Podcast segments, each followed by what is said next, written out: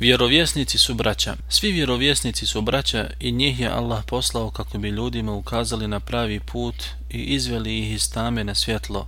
Te je zbog toga Allah uzvišeni vjerovanje u njih učinio uslovom i temeljom imana. Kaže uzvišeni, recite, mi vjerujemo u Allaha i u ono što je objavljeno nama i u ono što je objavljeno Ibrahimu i Ismailu i Ishaku i Jakubu i unucima i u ono što je dato Musau i Isau i ono što je dato vjerovjesnicima od gospodara njihova, mi ne pravimo nikakve razlike među njima i mi se samo njemu pokoravamo. Zato onaj ko porekne jednog vjerovjesnika postao je nevjernik u Allaha i porekao je sve poslanike, te zbog toga musliman se ne može zvati muslimanom osim ukoliko ne vjeruje u sve poslanike i vjerovjesnike. Kaže poslanik sallallahu alaihi wasallam, ja sam najpreći čovjek Isao sinu Merjeminom na ovom, a i na onom svijetu a svi vjerovjesnici su braća po Allatu, majke su im različite, a vjera im je jedna. Kažu islamski učenjaci, djeca Allata su braća po ocu, a majke su im različite, a značenje hadisa jeste da su im temelji vjerovanja isti, a to je vjerovanje u akidu teuhida,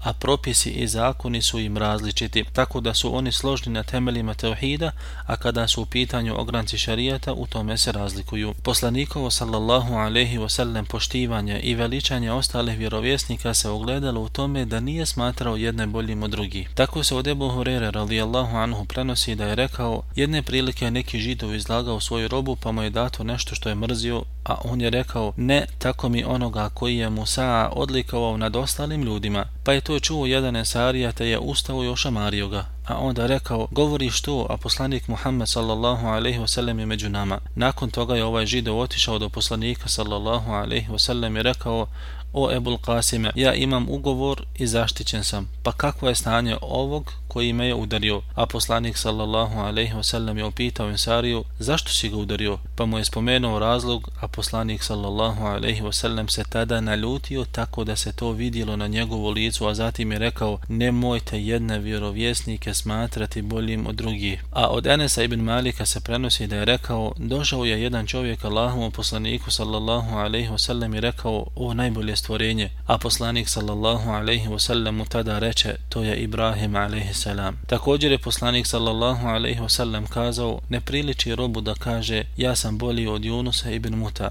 Rečeno je poslaniku sallallahu alaihi wasallam, o poslaniće, ko je najplemenitiji čovjek? Poslanik sallallahu alaihi wasallam reče, najplemenitiji je onaj ko je najbogobojazniji. Prisutni rekoše, nismo te o tome pitali. Poslanik sallallahu alaihi wasallam reče, onda najplemenitiji čovjek je Jusuf, sin Allahovog poslanika, koji je isto tako sin Allahovog poslanika, koji je sin Allahovog prijatelja, Halila. Prisutni ponovo rekuše, nismo te o tome pitali. On tada reče, onda me pitate o porijeklu Araba i njihovim rodovima. Oni koji su bili najbolji od njih u džahilijetu, oni su najbolji u islamu samo ako se poduče vjerskim propisima.